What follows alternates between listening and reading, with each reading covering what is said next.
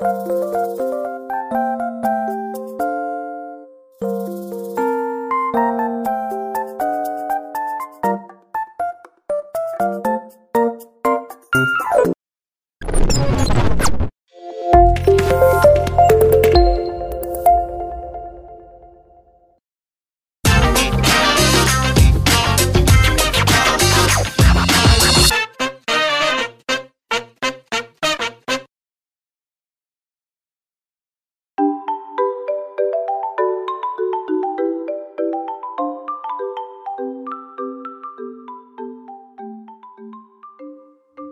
Memasuki akhir tahun ini, berita mengenai perpolitikan yang terjadi di dalam negeri ini cukup membuatku seperti apa ya? Speechless. Menuju akhir November 2020, kita baru saja digemparkan isu bahwa Kementerian Perikanan dan Kelautan, Pak Edi Prabowo, which is pengganti Ibu Susi Puji Astuti, telah tertangkap korupsi karena kasus beliau dalam mengekspor benur atau benih lobster.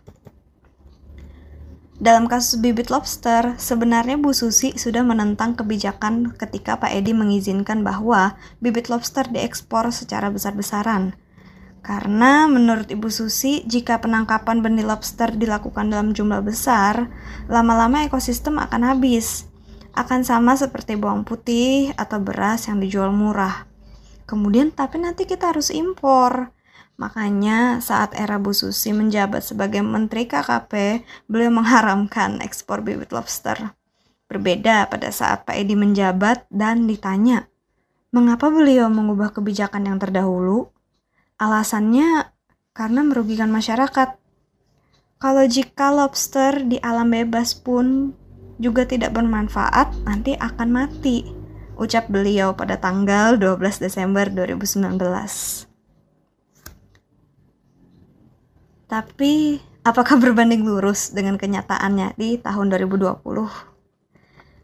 Kemudian kita dikejutkan lagi bahwa Menteri Sosial Pak Juliari Batubara telah resmi menjadi tersangka kasus korupsi dalam menerima suap terkait pengadaan paket bantuan sosial berupa sembako dalam menangani COVID-19 di wilayah Jabodetabek.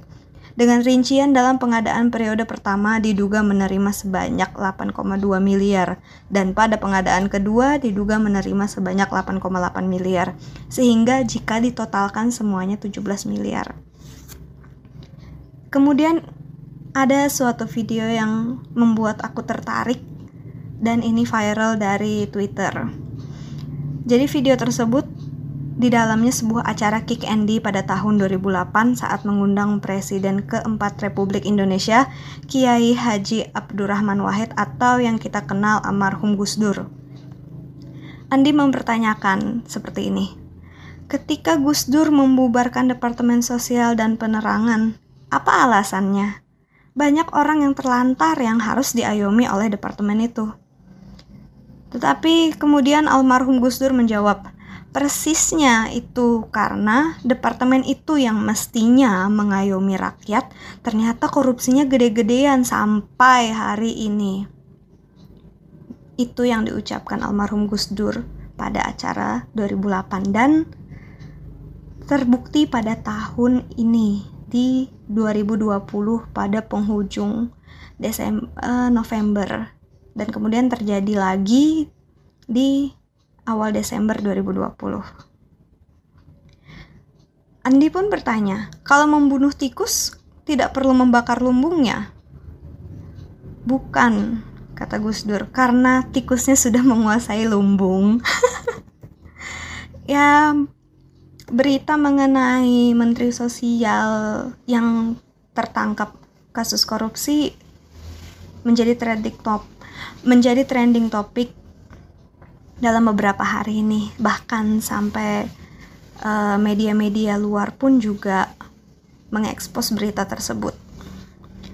Padahal kalau dipikir ya, kalau kata Kunto Aji, kurang apa sih hidupnya menteri ini? Dana bantuan sosial aja dikorupsi. Tapi ya memang sih, watak seseorang bisa kelihatan aslinya saat mengelola uang yang dalam jumlah besar atau pada saat diberi tanggung jawab kekuasaan. Kemudian aku melihat ada salah satu cuitan seseorang yang cukup men-trigger banyak orang. Dia berkata seperti ini. Bukannya mendukung korupsi ya, tapi di depan mata disodorin nih 17 miliar. Siapa yang gak getar anjir? The point is, semua orang punya setannya masing-masing. Tinggal waktu bikin dosanya aja. Hmm, gimana ya? Tidak salah ketika dia bilang orang punya setannya masing-masing. Tapi apakah pantas jika seorang menteri sosial melakukan korupsi terhadap dana bantuan sosial? Kenapa sih para oknum pejabat yang tertangkap koruptor selalu bilang, "Kalian belum aja di posisi saya." Apa mereka secara tidak langsung membuktikan bahwa mereka itu tidak dapat mengemban kepercayaan yang dari rakyat untuk mereka? Ada lagi satu hal yang menarik perhatianku. Jadi ada salah satu public figure dalam sosmednya dia bilang seperti ini. Jabatan tinggi tapi maling, banyak baca tapi bakar hutan, punya otak pintar tapi buat bohongi rakyat. Mending gue jadi orang toltit seumur hidup daripada jadi mereka. Entah ini terdengar hanya sarkas atau gimana ya. Uh, ada salah satu temanku juga menanggapi Ade Bahtiar. Dia bilang seperti ini, masalah korupsi itu bukan soal pintar atau bodoh, tapi soal hati dan moral. Ya, benar. Ketika bantuan dana sosial COVID-19 sangat dibutuhkan selama pandemi dan ditunjukkan kepada orang yang berhak dan digunakan secara semestinya. Semestinya. Tetapi justru orang yang bertanggung jawab malah menyalahgunakannya. Semoga baik-baik aja ya negeriku. Aku percaya. Tidak semua orang Indonesia ingin negaranya hancur, termasuk aku. Namun dalam berusaha melakukan kebaikan ya sangat susah ya dijalani dan godaan datang.